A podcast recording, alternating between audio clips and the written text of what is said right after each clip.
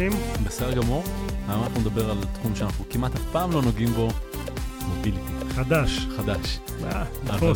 אה, לפני שנגיד שלום לניר ארז, מנכ"ל מוביט, אה, נגיד, נספר לכם על נותנת החסות שלנו, קרן ההון סיכון SGVC, של דובי פרנסיס. את דובי הכרנו כאן בפרק שאתם יכולים למצוא ברשת, ומאז נהיה חיבור מעולה, והוא הפך להיות נותן החסות שלנו.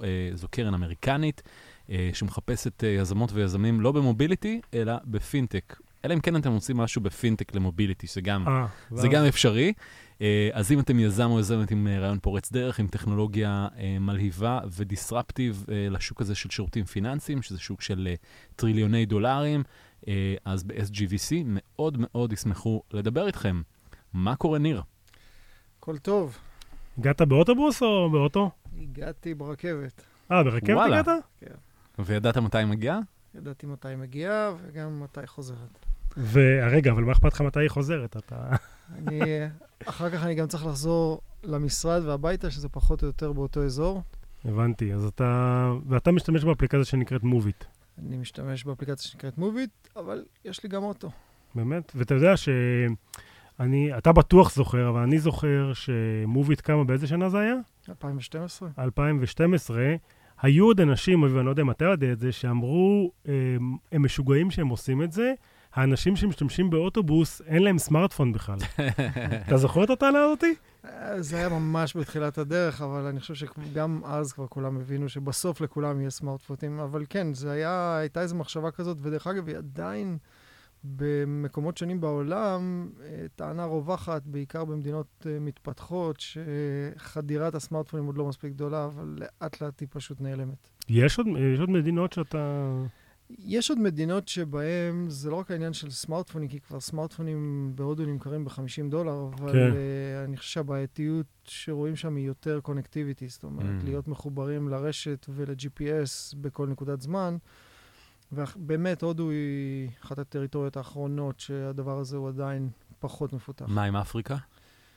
אפריקה, sub-Saharan, מה שנקרא? אפריקה דילגו, גם בגלל שביקרתי שם כמה פעמים, אבל גם בגלל מה שאני קורא, דילגו על כל דור הטלפונים הקוויים, כך שבעצם כולם כדי לתקשר צריכים סמארטפונים, ואתה מסתובב היום אה, בקניה ובטנזניה, ולכולם יש סמארטפונים. אתם פעילים שם? אנחנו פעילים, ואנחנו בעצם כבר איבדנו שליטה על איפה אנחנו פעילים. אה, לא יודע מי, מי שמכיר את הצורה שבה מוביט היום פותחת שירות בערים חדשות. דרך אגב, כל 15 שעות בממוצע אנחנו מוסיפים עיר חדשה לשירות שלנו. וואלה, אז, אז איך זה עובד באמת? אז זה עובד בצורה כזאת שרוב הערים החדשות... ותראה, דרך אגב, הגעת למצב שאתה לא צריך להסביר מה זה מוביט למאזינים, כן? רגע, אבל באמת, אולי, אתה יודע, לשניים שאולי לא יודעים בדיוק ולא הורידו את האפליקציה, מה זה מוביט? אז מוביט התחילה באמת ב-2012 עם איזושהי מחשבה לתת פתרון של אינפורמציה לאנשים שנוסעים בתחבורה ציבורית, אבל עם השנים הפכה להיות פלטפורמה למה שאנחנו קוראים Urban Mobility, שמשלבת לא רק תחבורה ציבורית, אלא גם uh, כל אמצעי תחבורה אחר שהוא לא רכב פרטי, כלומר סקוטרים, אופניים, uh, צורה של מוניות או ride hailing, כמו שנקראים היום, אובר, ליפט, גראב וכדומה. ובעצם היא פלטפורמה מצד אחד של consumer, והחברה עצמה בשנתיים האחרונות היא גם אה, אחת החברות המובילות בעולם בתחום של אה, מידע כללי, אה, מה שנקרא Mobility as a Service Platform, אה, שהוא גם אה, פתרון לערים ולמפעילי תחבורה ציבורית. אז אוקיי, אז בואו נדבר שני מספרים. אמרנו, כל, כל 15 שעות נפתחת אה, אה, אז, עיר. אז אני אתן מספרים באופן כללי, דווקא בצד של ה consumer, אנחנו כן. כן. סיימנו את 2018 עם 365 מיליון משתמשים רשומים בעולם. אוקיי. Uh, אנחנו מוסיפים כמעט מיליון משתמשים חדשים ביום. וואו. מיליון משתמשים ביום. כן, כן. כי אני זוכר, אנחנו עשינו איזה קפה לפני איזה שנה, כשאני רק התחלתי את החברה שלי, וככה באתי להתייעץ, ואז היה סביב 100 ומשהו מיליון, לא? כן, מה, אז בשנה, מה כאילו? שבאמת מאוד השתנה והפך את התמהיל להיות מאוד מעניין, זה שיש הרבה מאוד משתמשים במובייל ווב, שזה וואלה, אפילו לא לא נייטיב ה- אפ, לא מודדים את האפליקציה. לא צריכים להוריד את האפ, ואנחנו רואים את זה בהרבה מקומות. אז עדיין, אוקיי, אז אמרנו 300 מיליון אה, משתמשים? 365 360? מיליון בסוף שנה שעברה, ואם תעשה חשבון של 1 מיליון ביום, תבין שאנחנו כבר היום, אנחנו לא פרסמנו עוד נתונים רשמיים, אבל בטח עברנו את ה-400. החשבון הוא פשוט, זה בסדר? מהמם. Uh, מעבר לזה, אנחנו פועלים היום ב-90 מדינות, במעל 2,800 ערים. כמה כסף גייסתם? נכון להיום, מוביט גייסה 135 מיליון דולר. אוקיי. אה, וממשקיעים, דרך אגב, חלקם משקיעים פיננסיים וחלקם משקיעים אסטרטגיים. כמו? המשקיעים הפיננסיים הכי בולטים אולי זה סקויה בארצות הברית ובישראל. אה, משקיעים אה, early stage היו BRM ואלי ברקת, שאני מאוד מאוד מעריך אותו, וה-late stage זה התחיל מ-BMW, אה, נוקיה ומה שנקרא חברת הרכבות הצרפתית שנקראת SNCF. מהמם. והמשיך בסיבוב האחרון, שכמעט כולו נלקח על ידי אינטל קפיטל, אבל בעצם, וואלה. לאור הפרסומים, זה, זה מובילאיי שהובילו את, ה, כן. את התהליך פנימית בתוך אינטל. זה הסיבוב של 50 מיליון דולר. אה. ומה מה הציפייה של המשקיעים האלה לראות את אה, מוביט עושה מה? נמכרת, מונפקת? אני חושב שאחד הדברים הנפלאים ש, שיש לנו בקבוצה הזאת של, המש, של המשקיעים שיש לנו, אני חייב לציין שבסיבוב האחרון, שאתם יכולים לקרוא בעיתונות את השווים שייחסו לו, כל המשקיעים, החל מה-early stage של ה-A-Round, מהמם. השתתפו בו. וזה, לחזור מה? ולענות ל- לשאלה שלך, ג'מיני השתתפו בסיבוב? השתתפו בסיבוב. באמת? באמת. אה, זה כתוב גם בפרסום על הסיבוב, וזה רק אומר כמה אמון יש להם בחברה, ואני חוזר לשאלה שלך, אף אחד מהם לא מנסה אפילו להכתיב לנו לאן זה צריך ללכת. זאת אומרת, אה, אני חושב שלכולם יש את אותו vision, שאנחנו נמצאים במקום מאוד ייחודי בעולם, במידע שיש לנו, ואני תכף אספר לכם עליו קצת יותר, ושיצא ככה, אולי מזל ואולי קצת אה, תזמון, שאנחנו רוכבים על גל מטורף של, של מוביליטי היום. אה, זה בטוח. אה, בואו נחזור שנייה לשאלה שהתחלנו ממנה, איך אתם פותחים עיר? אז צריך להבין שבעולם uh, של uh, urban mobility, אז יש את האלמנט של תחבורה ציבורית ועוד אלמנטים נוספים uh, שונים, אבל אחד הדברים המדהימים שגילינו ב-2012, זה שב-85% מהערים בעולם אין את המידע על אלמנטי התחבורה הציבורית באופן סטנדרטי שאפשר לעשות איתו משהו, פשוט לא קיים. זה אוקיי. לא שאין תחבורה ציבורית, אבל המידע לא קיים באיזשהו סטנדרט מסודר. מה, איזה סוג של מידע? מיקום התחנות, הקווים, לוחות הזמנים שלהם, השייפים שבהם כלי התחבורה עוברים, פשוט לא קיים. גם בישראל ב-2012 הוא לא היה קיים, ונאלצנו לבנות אותו מ scratch. הדבר הזה גרם לנו להבין שיש בעיה עצומה שאנחנו לא נצליח להתגבר עליה, שהיא scale. איך, אם לוקח לבנות עיר ארבעה, חמישה חודשים, זה לא הגיוני, יש 5,000 ערים מעל 100,000 תושבים בעולם. מהמם. ואז uh, רועי, שהוא אחד השותפים שלי להקמת החברה, והוא גם צעיר ממני באיזה 18 שנה, והרבה יותר נאיבי, אמר, בוא, בוא ננסה לבקש מהקהילה, סטייל ויקיפדיה, שיעזרו לנו לבנות את זה. אני לא ממש האמנתי בזה, להיות הגון, אה, אבל בהחלט שחררתי לו חבל, אמרתי, בוא נלך על זה. ובאופן מדהים, הקהילה הזאת בונה היום את כל המידע, אה, מה שיצר פער של כמעט 70 אחוז בין הכיסוי שלנו יש בעולם לגוגל מפס, שהם המספר 2 אחרינו. הם מספר 2? בגדול. Maps? בענק, מספר 2. זאת אומרת, יש פער עצום שרק הולך וגדל. מבחינת המידע שיש לכם או מבחינת מבחינת ה-usability? המידע שיש לנו על תחבורה ציבורית. אמ, והסיבה היא שבעצם, אם אתם חושבים על זה, אני אתן לכם סטטיסטיקה מעניינת, מ-360 ומשהו מיליון משתמשים, מהמם. בערך אחוז באופן אקטיבי התנדבו לעזור לנו. אחוז זה המון. של מעל שלושה מיליון. אבל לא כולם הם capable באמת לעשות את העבודה הנדרשת, שזה... מה זה לשבת- לעזור? כן, מה? מה? לשבת מול מפה, לנעוץ את התחנות, לס- לסמן את השייפים, לעלות על אוטובוס עם אפליקציה מיוחדת של מוביט שמקליטה את הקו. לא כולם כאלה. חלקם ברור. אנשים מבוגרים, וחלקם לא טכנולוגיים, ובעצם הצלחנו להכשיר קהילה של 550 אלף אורחים, אדיטורס מה שנקרא, בדרגות שונות, כשחלק מנהלים את ה- אלה שמתחתם. מה יוצא להם מזה כסף? אז בהתחלה שלחנו להם uh, טישרט של מוביט, אחרי 2,000 איש Hmm. זה נהיה יקר מדי. זה נהיה כנראה. אה, כן, היינו צריכים גיוס מיוחד רק בשביל זה, אבל בגדול אה, הם, אה, לא יוצא להם מזה כלום, למעט ה- ה- ההכרה שהם מקבלים מהציבור הלוקאלי. זאת אומרת, מי שבונה את המידע בעיר כמו ברי באיטליה של 400 אלף תושבים, אכפת לו מהעיר שלו. זה הרבה יותר לוקל פטריוטי מאשר uh, להיות טוב לעולם. אבל אף אחד לא יודע שהוא עושה את זה. שברי תהיה על המפה, כאילו. בדיוק. אבל הוא עושה את זה, ואף אחד לא יודע שהוא עשה את זה. הוא מקבל recognition בתוך האפליקציה שהוא מצוות האדיטורס של העיר אה, שם. אוקיי. ובעצם האנשים האלה לא רק בונים את המידע, אחד הדברים שאנחנו לא כל כך חושבים עליהם זה שמידע של תחבורה ציבורית הוא דינמי. כבישים זזים מעט מאוד, אבל מידע של תחבורה ציבורית הוא מאוד דינמי, ולכן האנשים האלה, לא רק שהם בונים את המידע, הם גם מתחזקים אותו. כן. אז אם תחשבו על זה עכשיו, מאגר המידע שאומר כמה תחנות יש בעולם, איפה הן נמצאות, כל הקווים, לוחות הזמנים שלהם, שנמצא בידי מוביט, הוא מאוד ייחודי, נמצא בידינו, ובעצם לאף אחד אין מאגר רחב כזה. זו בעצם הסיבה, ודיברנו לפני השידור, שלעסקה שחתמנו עם מייקרוסופט, אה, שבאמת מייקרוסופט אג'ור בחרו בנו להיות הספק מידע לכל נושא התחבורה הציבורית, או ה-Urban Mobility Data ב-Azure Maps. מהמם. יצא גם באופן רשמי, אז אני יכול לדבר על זה, שאנחנו ספק המידע אה, הבלעדי לנושא של transit לאובר. אה, אז זה- רגע, אבל כל חמ- נחזור שנייה, כל 15 שעות מישהו מחליט לפתוח עיר ומתחיל להקליט את התחבורה לא, ולסמן לא, לא. תחנות? אנשים מחליטים לפתוח עיר ברגע שהם מחליטים. עכשיו, הפרויקט הזה הוא נשאר פרויקט אה, ב... ב offline עד שבעצם כל המתנדבים באותה עיר גרמו לכסות, גמרו לכסות 100% וואלה, ו... מאלמנטי התחבורה, ואז אנחנו ב switch אחד של חצי הבנתי. יום פותחים את, ה... את העיר. וזה קורה בממוצע כל 15 שעות. הבנתי, אוקיי, עכשיו אז הבנתי עכשיו איך פותחים עיר. עכשיו בוא בוא נחזור רגע ל- כן, כן. לשותפ- לשותפות העסקיות עם חברות ענק כמו מייקרוסופט ואובר. זה בעצם המודל העסקי שלכם היום?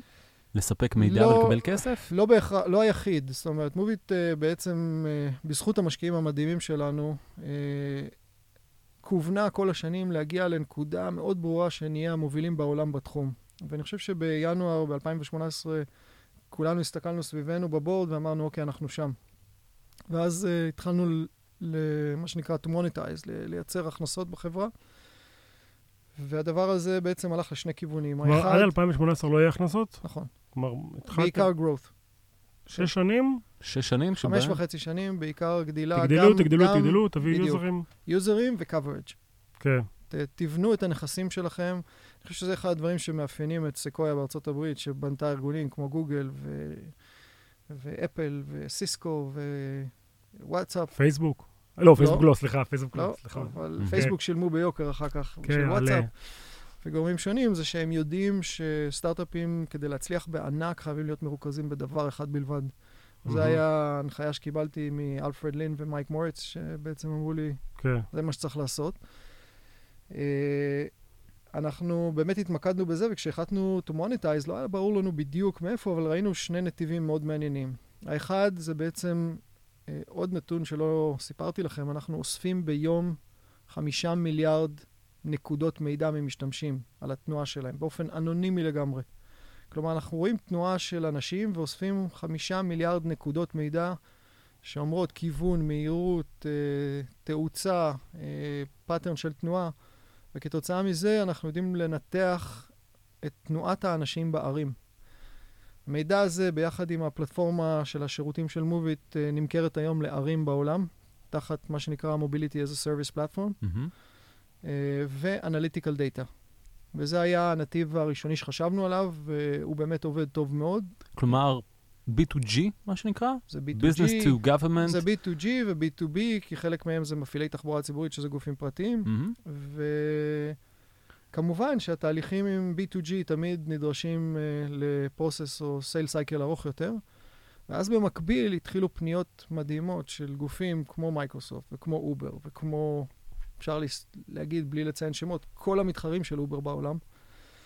Uh, ועם חלק מאוד משמעותי מהם, שאני פשוט לא יכול רשמית להגיד את זה כאן, אבל כבר למה? כי אתה לא רוצה. ש Uber אה, תדע? לא, לא, כאילו, לא. זה המתחרה הישירה. של Uber, או ש... Uber יודעים. אה, Uber יודעים, כולם יודעים. אה, העניין הוא שאין exclusivity לאף אחד. Moovit Mm. היום היא כמעט הספק הבלעדי של המידע הזה. אה, האופציה היחידה שיש להם זה גוגל. היא גם פחות טובה והיא גם פחות רצויה מבחינתם. איך כי זה גוגל, גוגל. איך גוגל מרשים לעצמם שאתם תהיו חברה עצמאית שיש להם מידע שלגוגל אין, ו...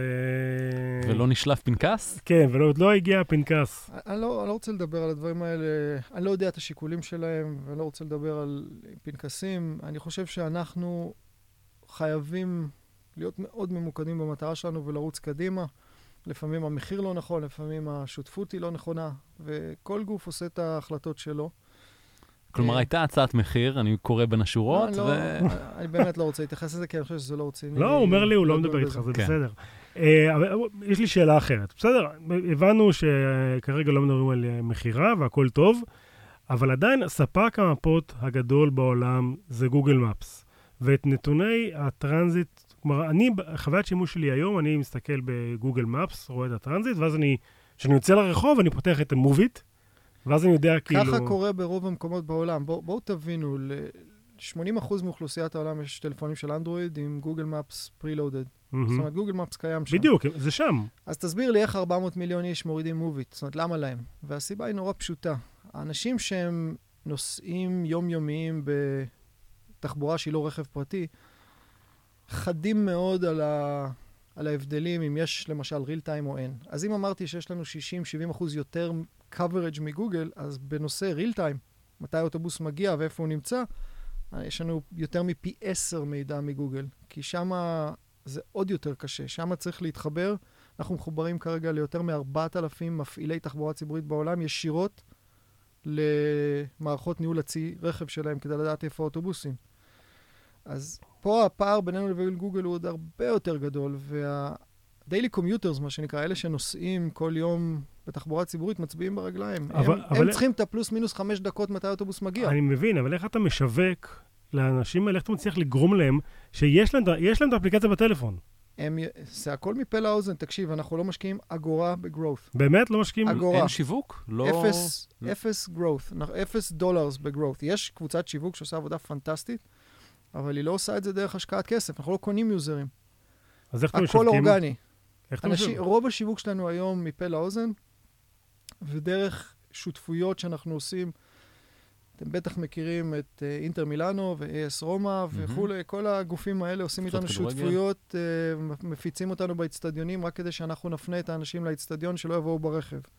היורוליג, ו- ג- גם הם, אתה אומר, מפנים. גם הם, זאת אומרת, המון גופים, המון עיריות בעולם הן שותפות שלנו. אנחנו היינו הספק תחבורה, התחבורה הציבורית הרשמי באולימפיאדת אה, ריו, אוקיי. אה, במשחקי אסיה.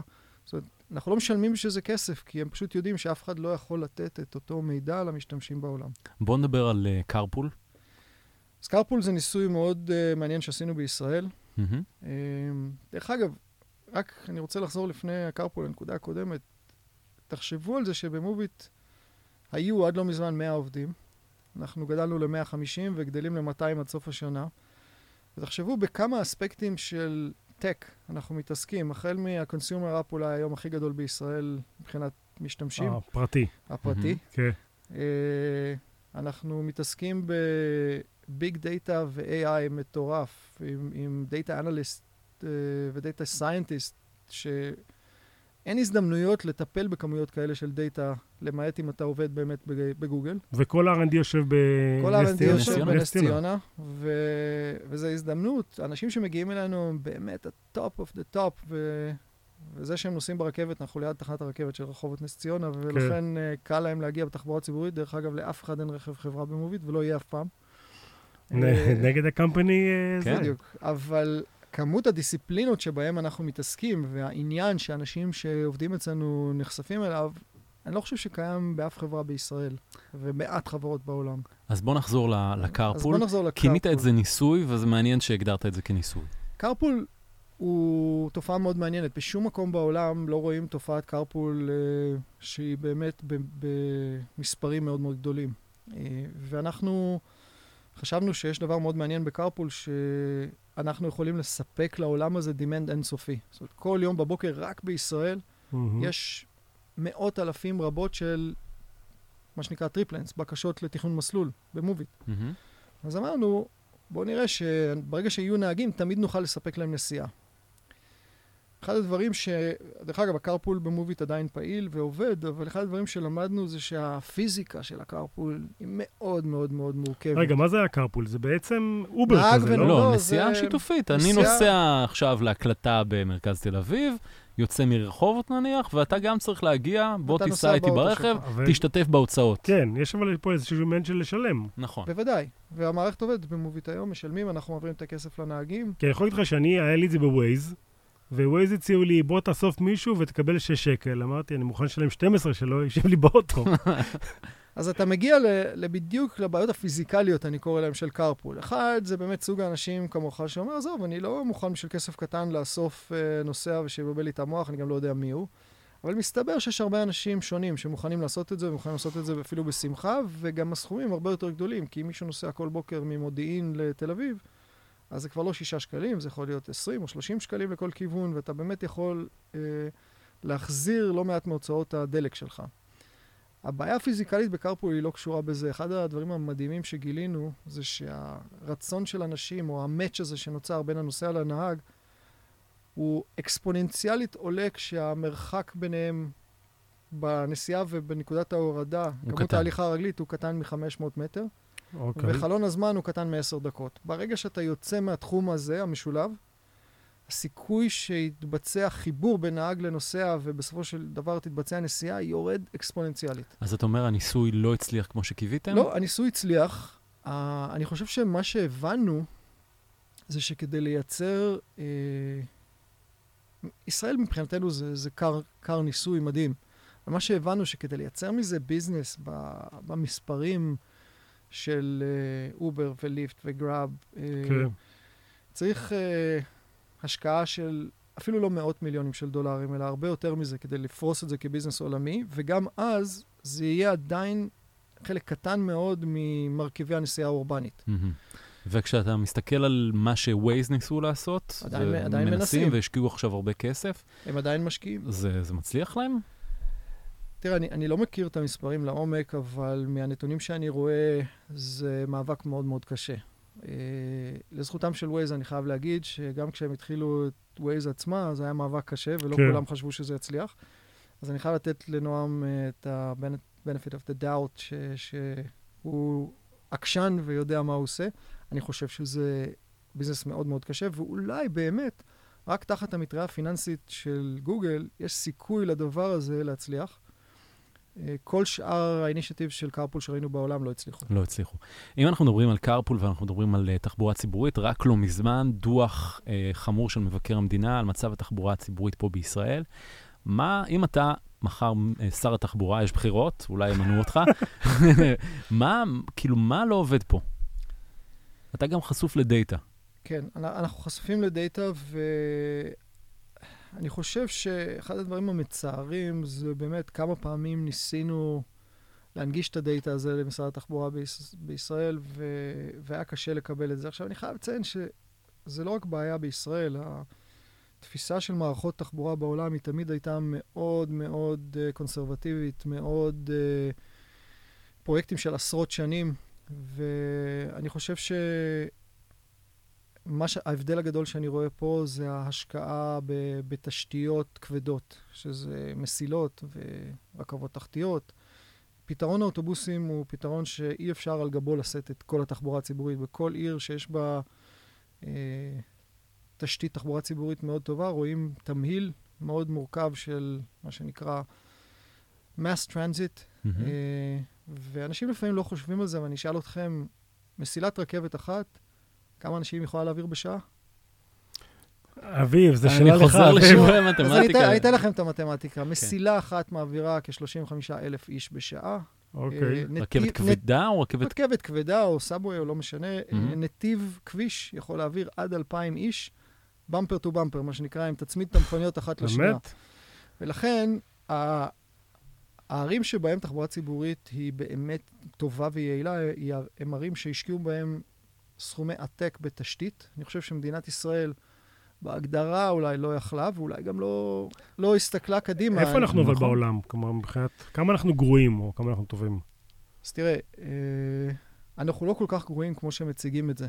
אוקיי. אה, ואני אסביר, זאת אומרת, אה, ערים גדולות בעולם היום הן בקטסטרופה תחבורתית. אנחנו מסתכלים על נתונים במוסקבה, שיש שם מטרו כבר 100 שנה.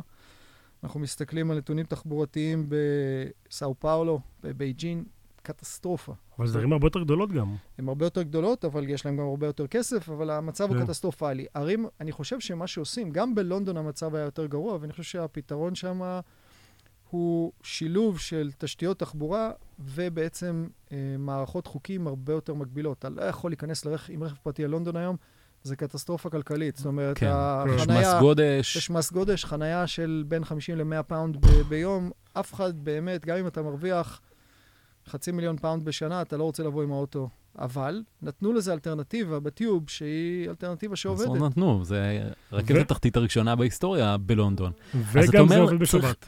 כן, כן. כן. אז אתה אומר, לחפור את תל אביב כמו שעכשיו חופרים את ריאד עם שישה אה, נתיבים של אה, מטרו? זה, ה, כמה זה שיותר הפתרון? מהר, ואז אולי לילדים שלנו יש סיכוי. ואם אפשר שזה יהיה אוטונומי ואז יהיה כמו מעלית שבת, ואז זה גם יפעל בסופי שבוע. אין אין לי אה, ספק זה שזה יהיה פתרון- אוטונומי, כן. מה מה היעדים עכשיו ה- הבאים של אה, מובית? אז כמובן, כפי שהבנתם, החל משנה שעברה אנחנו באמת נמדדים מעבר ל-growth גם על uh, הכנסות, ובאופן די מדהים עשינו שנה יותר טובה מהציפיות שלנו בשנה שעברה, והשנה אנחנו מתכוונים לשלש אותה, ו... ובעצם זה יכול די בקלות לגרום לנו להגיע לרווחיות כבר בשנה הבאה. Uh, ואז היעדים בגדול uh, מתמקדים שוב במשהו יחסית מאוד מופשט, אבל אני חוזר ואומר אותו לעובדים ב Moovit. אנחנו רוצים לקחת חלק בכל נסיעה אורבנית. וזה משפט מופשט, אבל אם ת, תפרטו אותו, זה דרך אפליקציית ה consumer שלנו, דרך היכולת שלנו לספק אה, ל Uber, ל Microsoft, וכפי שאמרתי, לעוד לא מעט גורמים בסדר גודל הזה, מידע תחבורתי. גם אם מישהו ב Uber בוחר transit בסוף ומקבל את המידע ואת הניווט מ Moovit, כי זה מה שקורה ברקע, אני, טוב לי, אני גם מקבל על זה כסף וגם פתרנו בעיה. אה, וגם אם שיפור התחבורה הציבורית דרך המידע שאנחנו מוכרים לעיריות יקרה דרכנו, אז נגענו בכל נסיעה בתחבורה הציבורית. לשם אנחנו הולכים, וזה impact מאוד גדול שאפשר לעשות על העולם הזה. תגיד, למה, למה משלמים לך על... אה, כש Uber לא אה, מספקים נסיעה, אלא מעבירים את הנסיעה אליך? מי משלם לך? Uber משלמת לך, או כן. ש... אבל אז... לא רק, אה, גם כל אה, חברות התחבורה. הציבורית? לא, גם המתחרים שלהם. תראו, כי מה כי מה השאלה ההיגיון? למה, השאלה למה היא ספקולציה שלי, זה לא שהם מסרו באופן רשמי, אבל אתם יכולים לקרוא את ההצהרות של דרה אה, בנושא הזה. מנכ"ל Uber, כן. כן. אה, מדובר על זה שהם רוצים בסופו של דבר לייצר מצב שבו הנסיעה תהיה איזשהו אירוע חלק. Uber לוקח אותך מהבית, מעביר אותך לרכבת, נסעת ברכבת לתל אביב, ירדת בתחנת השלום, משם לוקח אותך עוד רכב של Uber, או קורקינט של Uber, או אופניים של Uber, ליעד הסופי שלך. זאת אומרת, ה multi modality האמיתי הזה, שבו אתה משלם פעם אחת דרך הכרטיס אשראי שלך שיושב כן. באובר, או בליפט, או בגראב, או בדידי, הוא החזון של כולם, ובסופו של יום זה יהפוך את הנסיעה להיות חלקה. מה שעשינו בלונדון כשנפגשנו, זה בעצם פעם ראשונה שאנחנו אני וניר, כן? נפגשנו. כן.